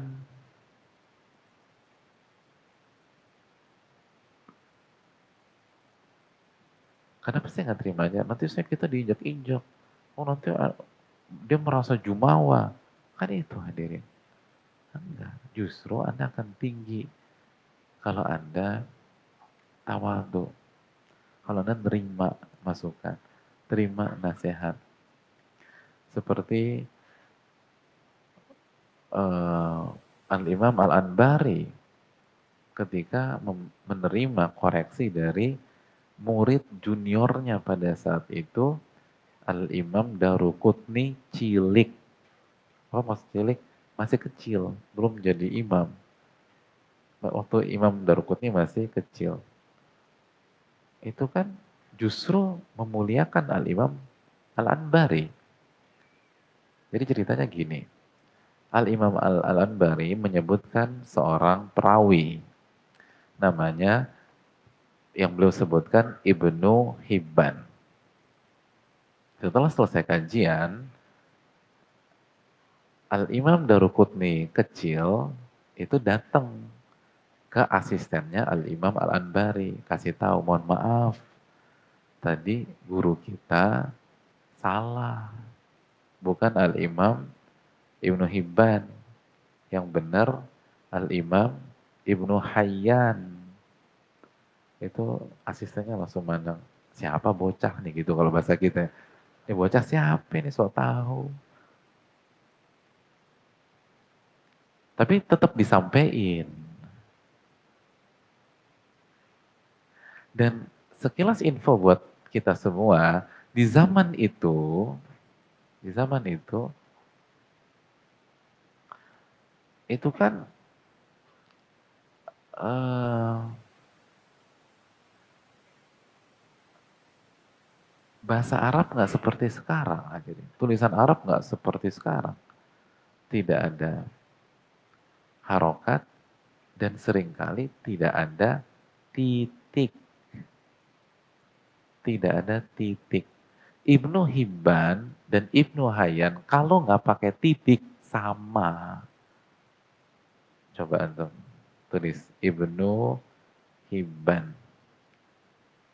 Terus terus lagi Ibnu Hayyan. Sama apa beda? Sama. Udah dicoba? Belum. Pokoknya kata Ustadz sama, sama aja udah. Sama, coba Ibnu Hibban, Ibnu sama.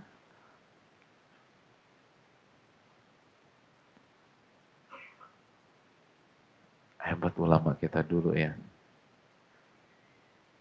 Makanya kembalilah ke ulama klasik. Ilmu mereka tuh Masya Allah dihadiri. Gak pakai titik. Itu berarti udah bukan Arab gundul lagi tuh. Plontos hadirin pelontos licin, pelontos licin. Ya gimana nggak ada titik? Subhanallah. Ya Allah. Kita tuh baca mushaf itu itu udah gondrong hadirin. Masih salah baca juga. Udah gondrong tuh. Bahkan gondrongnya kadang-kadang warna-warni. Idgom biguna warnanya ini, idgom bilaguna warnanya gini, iklap warna gini. Masih salah juga, ya Allah. Ini nggak pakai titik, subhanallah. Itu warna-warni masih salah. Itu ya, masih salah gitu, dinasihatin menurut saya, ya Allah menurut saya, Anda siapa? Kok menurut saya? Uh, saya kurang setuju dengan pandangan Imam Syafi'i. Eh, kurang setuju. ya Allah. Kadang-kadang suka lucu hadirin sekalian. Rahimallahum ra'an arafa qadra nafsi. Allah tuh merahmati orang yang tahu diri. Tahu, tahu dirinya itu siapa. Nah, sampailah ke Al-Imam Al-Anbari. Tadi ada itu penuntut ilmu junior kasih masukan. Katanya antum salah. Bukan Ibnu Hibban tapi Ibnu Hayyan. Itu ya Imam Al-Bari tidak menyanggah langsung. Kata beliau, mari kita cek. Dicek dulu ada. Lihat ulama tuh. Lihat atmosfer dunia ilmu tuh kayak apa. Dicek. Pas dicek benar. Oh iya bukan nih. Bukan Imam Ibnu Hibban, tapi Imam Ibnu Hayyan. Akhirnya di kajian berikutnya, Al-Imam Al-Anbari menyampaikan, hadirin, kemarin saya menyampaikan bahwa perawinya adalah Ibnu Hibban. Dan itu kesalahan. Jelas kesalahan. Dan yang mengkoreksi adalah anak kecil atau anak muda yang lagi duduk di sana, ditunjuk uh, Imam Darukutni cilik itu itu orangnya. Masih kecil. Terus beliau bilang jazahullahu khairah semoga Allah memberikan ganjaran pahala untuk dia. Masya Allah. Itu menerima kebenaran di depan forum padahal nggak ada yang tahu lanjutin aja nggak ada yang ngeh kok. Gitu. Atau kalau mau koreksi, ulama kayak Al-Imam Al-Anbari kan cerdas hadirin. Ada banyak trik kalau ingin meluruskan tapi tetap jaga wibawa. Banyak. Bisa aja beliau kasih ujian. Saya mau tanya sama antum semua, kata Imam Anbari. Siapa perawi yang kemarin saya sebutkan Ibnu Hibban, salah. Ibnu Hibban, salah. Ibnu Hibban, salah. Yang benar Ibnu Hayyan. Makanya telinga tuh, bersihin telinga. Kan bisa. Jadi ini serang tuh. Ini gimana sih lo? Ibnu Hayyan, Ibnu Hibban. Ini nih nggak serius belajarnya. Besok serius kau belajar. Oh, Masya Allah. Kan aman. Pride-nya terjaga, dikoreksi. Oh iya. Yeah. Lu apa? Ibnu Hibban. Lu Ibnu Hibban. Berarti kita salah semua ya. Gitu. Bisa kan, gitu. bisa. Tapi cara itu nggak ditempuh. Karena itu bukan karakternya ilmu. Karena mereka tahu bahwa mungkin murid kita bisa kita kelabui. Eh, murid bisa kita kelabui murid kita. Wong dia belajar alif bata sama kita, Oh dia, dia belajar kaedah dari kita, belajar ayat dari kita, belajar hadis dari kita. Tapi kan Allah nggak bisa dikelabui jamaah. Dan peraturannya adalah kalau ingin sukses dunia ilmu, Anda harus tawadu. Anda harus terima kebenaran dan jangan remehin orang. Jadi sekali lagi yang Allah muliakan, uh, sekali lagi kemuliaan, antum coba ketika misalnya ya kita atau antum mendengar cerita tentang Al-Imam Al-Anbari. Yang Imam Al-Anbari tadi. Penilaian antum tentang Al-Imam Al-Anbari, beliau hebat Masya Allah atau beliau uh, payah dan uh, suka salah jamaah? Gimana? Perasaan antum gimana? Penilaian antum gimana? Nah, positif apa negatif? Positif. Justru hebat. Hebat ya, Masya Allah ya. Ulama tuh ya. Saya belum pernah bawakan, uh, apa namanya, membawakan riwayat ini, terus ada orang yang menilai negatif Imam Ambari. Gak ada. Semua orang, Masya Allah. Oh itu ulama, tawadu, apa adanya. Ah itu, itu fakta. Tapi syaitan berusaha menutup fakta itu dalam benak dan hati kita. Sehingga kita nggak mau terima kebenaran. Maka faktanya men apa wa matawadu ahadun lillahi illa rafa'ahullah. Itu kan hadis Nabi jamaah sallallahu alaihi wasallam. Dan tidaklah seseorang bertawadu karena Allah kecuali Allah akan angkat derajatnya. Allah akan angkat derajatnya.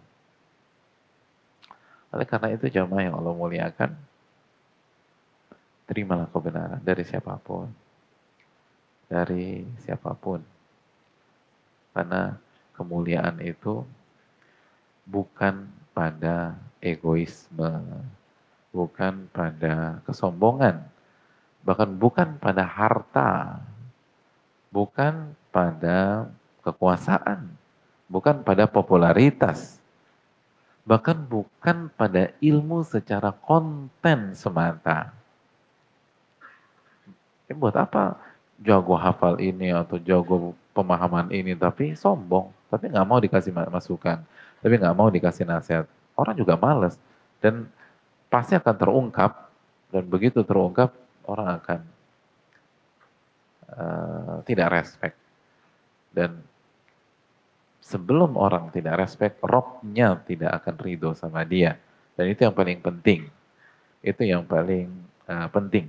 Jadi sekali lagi jamaah sekalian, kemuliaan, ketinggian itu lahir dari ketawaduan, bukan dari harta, bukan dari popularitas, bukan dari uh, jabatan dan lain sebagainya. Mungkin ya, mungkin Anda mulia ketika Anda menjabat, tapi semu. Tapi semu. Mau sampai kapan menjabat ya, nah.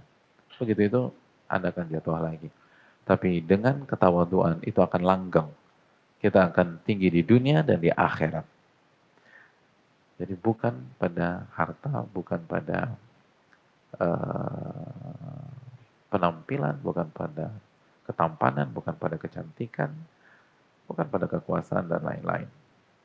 Ada nasihat menarik dari Abdullah bin Mubarak sebagaimana disampaikan oleh Al-Imam Ibnu Abi Dunya dalam eh, Al-Humul wa Tawadu. Kitab beliau Al-Humul wa Tawadu. Kata Al-Imam Mubarak begini. Ra'su tawadu an tad'a nafsaka 'inda man huwa dunak fi ni'mati dunya hatta ta hatta tu'allimahu allaysa laka bidunyaka alaihi fadl. Menarik nih. Uh, induk ketawaduan adalah engkau merendahkan dirimu di hadapan orang yang lebih rendah darimu secara dunia secara dunia.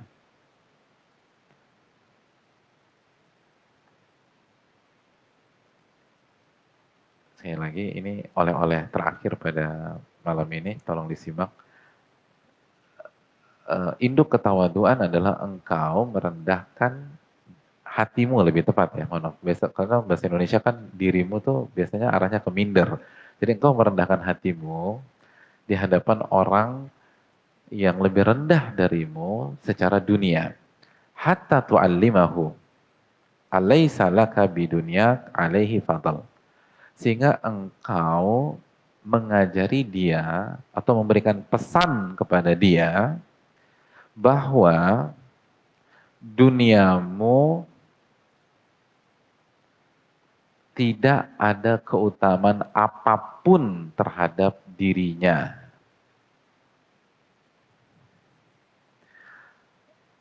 Sehingga engkau memberikan pesan kepada tuh orang, orang yang lebih rendah uh, hartanya, lebih rendah kedudukannya, bahwa dunia kamu itu nggak ada keutamaan apa pun terhadap dia. Jadi contohnya misalnya uh, kita dengan uh, asisten rumah tangga atau kita dengan uh, pegawai kita atau kita dengan misalnya kita diberikan kekayaan lalu kita sama orang miskin rendah hatilah dengan orang miskin atau dengan uh, asisten rumah tangga atau dengan supir atau dengan uh, staf Anda sehingga dia merasa bahwa secara dunia ini kita sama aja. Dia merasa bahwa kita dengan dia secara dunia sama aja. Iya, sama Pak Fulan tuh kayaknya tuh kita tuh satu satu apa? Satu level ya. Kok dia biasa banget, santai. nggak ada jarak dengan saya, padahal saya uh, security, dia CEO misalnya begitu. Tapi cara dia bicara sama saya, cara dia ngomong, cara dia nyapa, kayaknya tuh kita satu level. Gitu loh. Gitu. Kita lanjutkan. Wa antar fa'a nafsaka amman huwa fawqaka fi ni'mati dunya hatta tu'allimahu annahu laysa lahu bidunyahu 'alaika fadl. Dan engkau angkat dirimu di hadapan orang yang dunianya lebih tinggi dari kamu.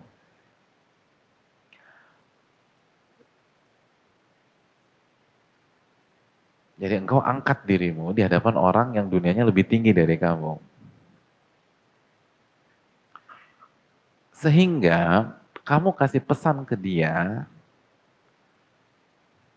bahwa dunianya nggak ada artinya di mata kamu. Dunianya nggak ada artinya di mata kamu.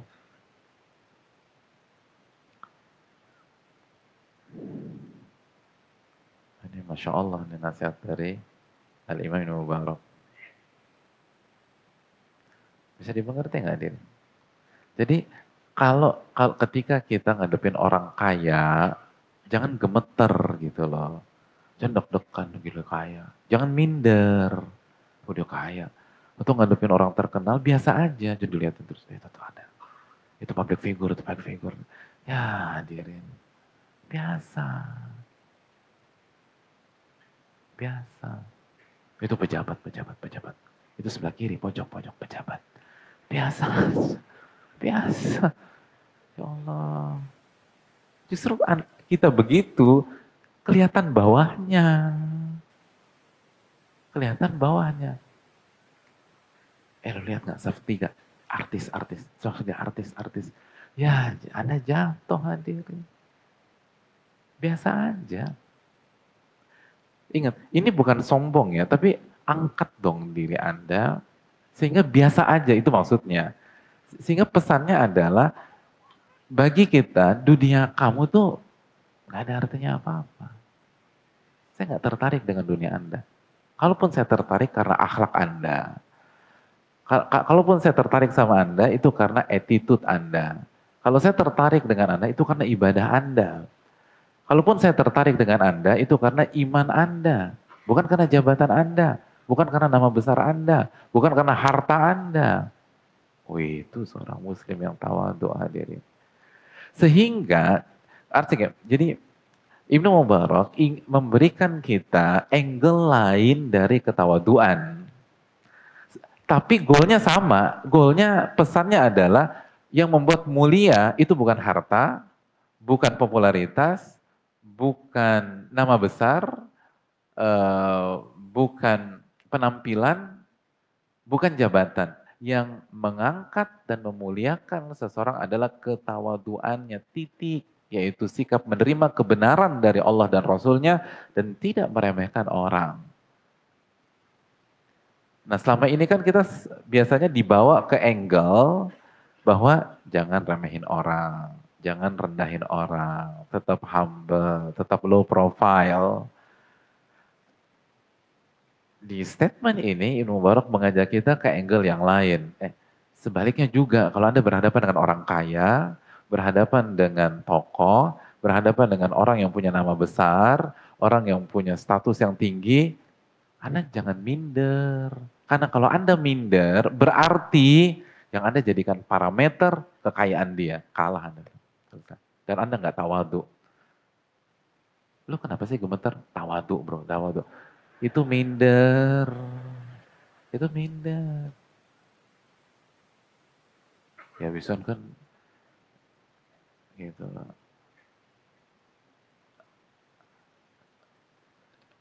Jadi hadirin yang Allah muliakan, biasa aja. Nggak usah menimbulkan sikap-sikap demikian. Jadi ketika kita bi biasa saja menghadapi orang kaya yang lebih kaya dari kita, yang lebih populer dari kita, yang punya kekuasaan, maka pesannya adalah bahwa dunianya tidak ada artinya bagi saya. Dan saya menghormati Anda bukan karena dunia Anda, bukan karena popularitas Anda, bukan karena jabatan Anda, tapi karena iman, ketakwaan, ibadah, akhlak, adab, dan diri Anda secara personal. Dan saya rasa itu lebih berkelas.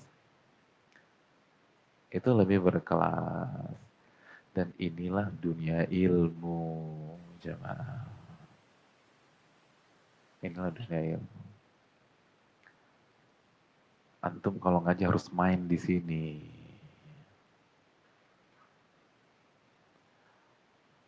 Ini level yang harus antum usahakan. enak. Tetap menghormati, tapi biasa aja. Jadi sama yang di bawah kita, uh, apa namanya, humble, turun, rendah hati, sama di atas kita biasa aja.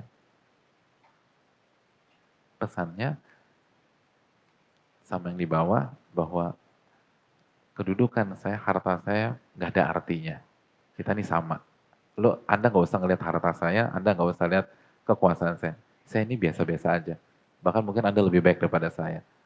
Di hadapan yang lebih ini, dunia Anda tuh tidak pernah saya pandang. Saya nggak tertarik dengan dunia Anda. Saya dekat sama Anda karena akidah, iman, tauhid Anda yang oke. Gitu jemaah. Ini yang bisa disampaikan. Kita akan lanjutkan Mbak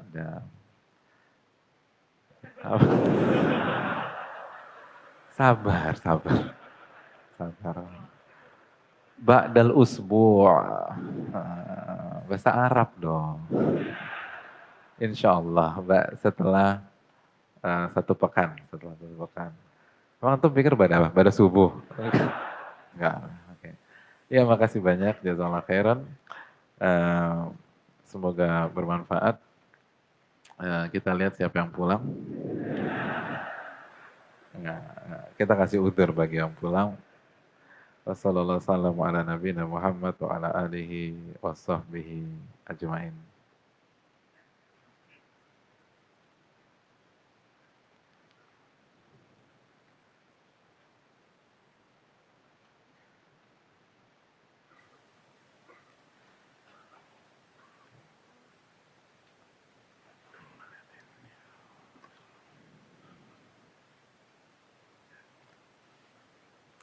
Assalamualaikum Ustaz. Waalaikumsalam warahmatullahi wabarakatuh. Bagaimana sikap kita jika digombalin ikhwan? Masya Allah. Ya. Uh, semisal dibilang soleha atau dibilang senyumnya cantik. Apa sebaiknya diam saja demi menjaga ketawaduan diri atau saya marahin saja karena sikap genitnya. Soalnya sulit dipungkiri Ustadz ada rasa GR juga di dalam hati. Kan menerima kebenaran saya cantik. Oh.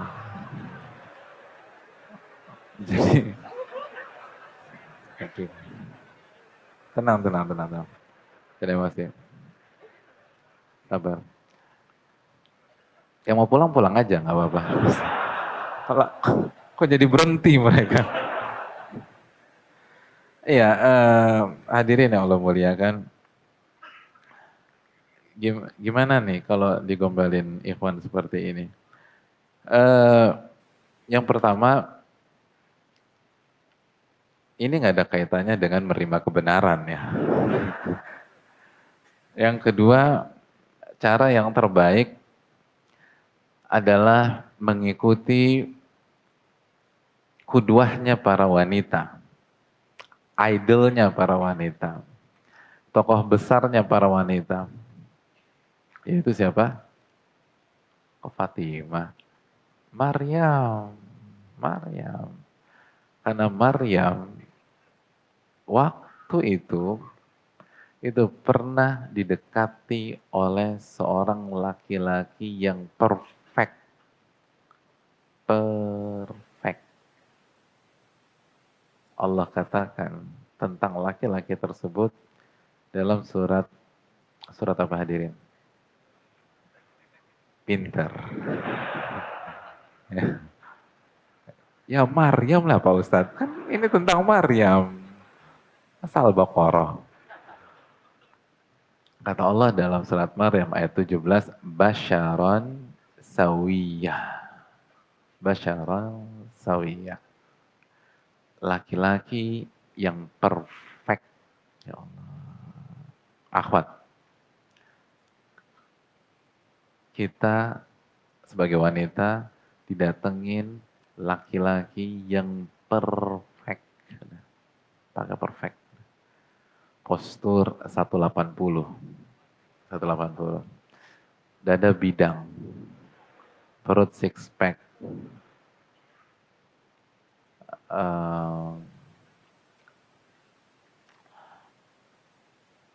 uh, apa perpaduan antar blasteran Arab, Prancis, Sunda. Loh keren loh itu ada bagus. Oh hidungnya mancung dan seterusnya. Oh pokoknya perfect deh. Gimana? Akhwat gimana reaksi anti? Hah?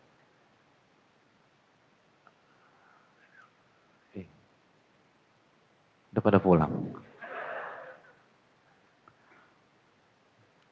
Bagaimana reaksi Maryam? Eh, gimana? Maryam tukeran nomor telepon? Eh?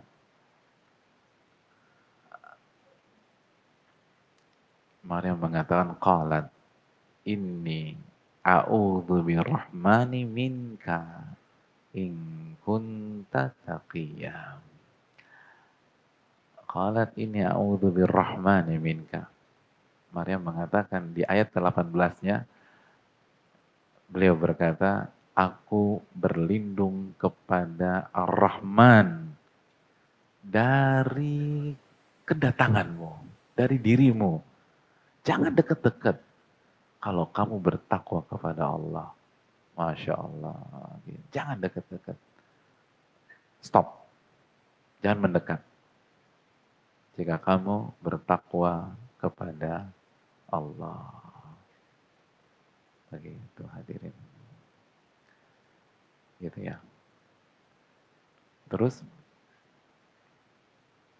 apa yang terjadi? eh tenang dulu Maria, jangan galak-galak gitu kalau bahasa kita ya. Tenang dulu, saya ini adalah utusan dari Robbo. Jadi stop gitu, dia stop dan dia jelasin. Nah ini, untuk mengetahui ikhwan atau akhwat yang ori atau KW1 super. Nah, ini, ayatnya ini, Masya Allah. Ya. Jadi kalau ikhwannya ori, disuruh stop-stop dia. Mundur. Akhwat juga gitu.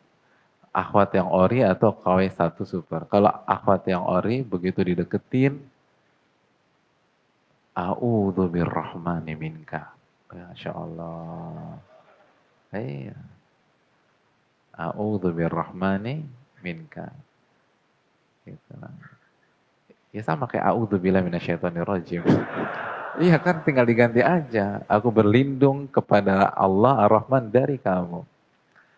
Masya Allah. Dan jangan mendekat.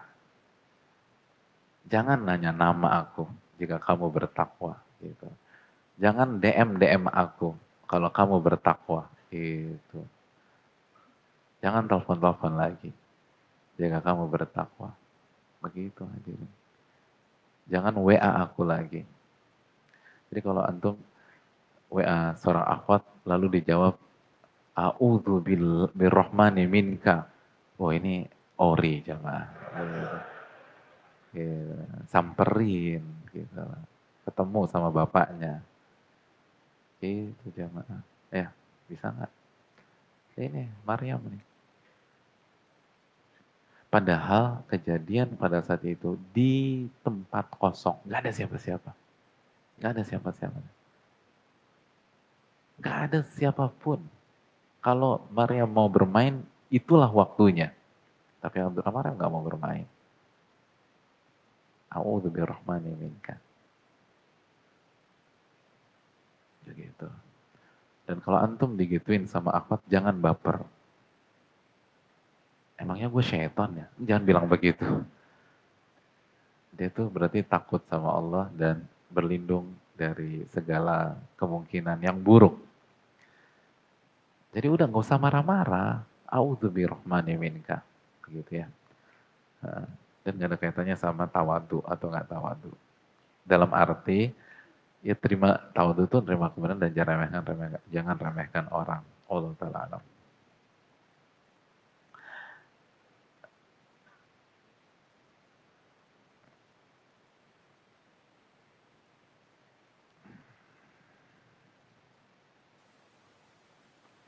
Assalamualaikum warahmatullahi wabarakatuh. Waalaikumsalam warahmatullahi wabarakatuh. Semoga Ustaz senantiasa dirahmati dan diberkahi oleh Allah Subhanahu wa taala dan juga untuk seluruh kaum muslimin dan muslimat. Amin ya rabbal alamin dan begitu juga bagi yang bertanya.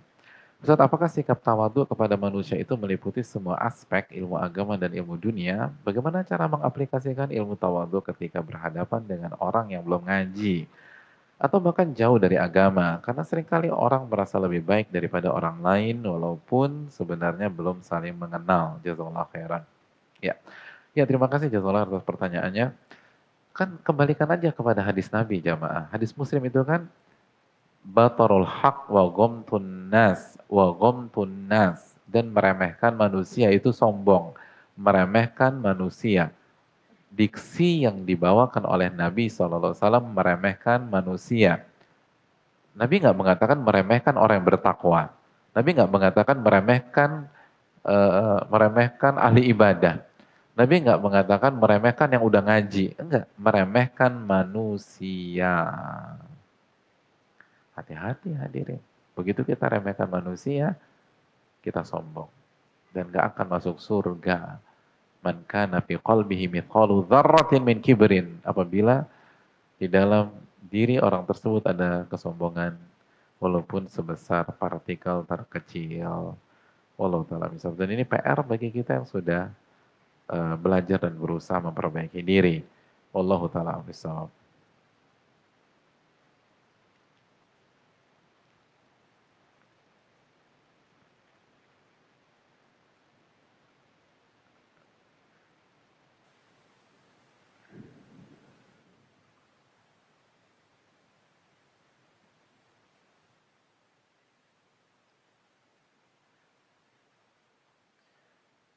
Uh, Assalamualaikum warahmatullahi wabarakatuh. Waalaikumsalam warahmatullahi wabarakatuh. Uh, semoga Allah senantiasa menjaga Ustadz, keluarga, dan uh, mengistiqomahkan kita semua di atas sunnah. Amin ya rabbal alamin. Begitu juga dengan penanya. Ustadz saya mahasiswa jurusan umum yang saat ini terus berusaha menuntut ilmu. Alhamdulillah. Sekarang Anda merasa keteteran pada kegiatan Anda sehingga banyak yang dilalaikan terutama dalam menghafal ilmu yang telah dipelajari dan hafalan Quran. Anda juga sering kecapean karena padatnya kegiatan. Apa yang harus Anda lakukan ya Ustadz? Apa Anda harus berhenti dalam mengajar tahsin dan terus takut menuntut eh, dan terus fokus menuntut ilmu dan kuliah. Tapi Anda sangat eh, Anda ingat keutamaan dalam mengajarkan Al-Qur'an. Mohon solusinya Ustadz Barakallahu fiik fiikum barakallah. Ya, terima kasih. Yang pertama, doa sama Allah Subhanahu wa taala. Minta keberkahan waktu. Itu penting jadi selalu berpikir keberkahan, keberkahan, keberkahan. Karena kalau Allah berkahi waktu kita itu kelar semua tuh jamaah. Jadi minta keberkahan dari Allah Subhanahu wa taala. Yang kedua, setelah minta keberkahan, lalu kita buat kita harus buat uh, apa uh, prioritas fikih aulawiyat, prioritas Prioritas itu penting. Dan itu adalah bagian dari ilmu kaidah fikih. Oleh karena itu jamaah yang Allah muliakan, eh, petakan dan prioritaskan amalan yang paling besar pahalanya, baru setelah itu yang berikutnya, berikutnya, dan berikutnya. Karena memang harus ada harus ada uh, prioritas, amalan banyak, waktu terbatas. Terus apakah harus berhenti mengajar tahsin? Uh, ini pertanyaan masih global ya. Intinya gini, kalau kita ada di fase belajar, fokus dulu aja untuk belajar. Nanti akan ada masanya kita ngajar. Dan insya Allah akan lebih kuat, akan lebih matang. Akan lebih kuat dan akan lebih matang.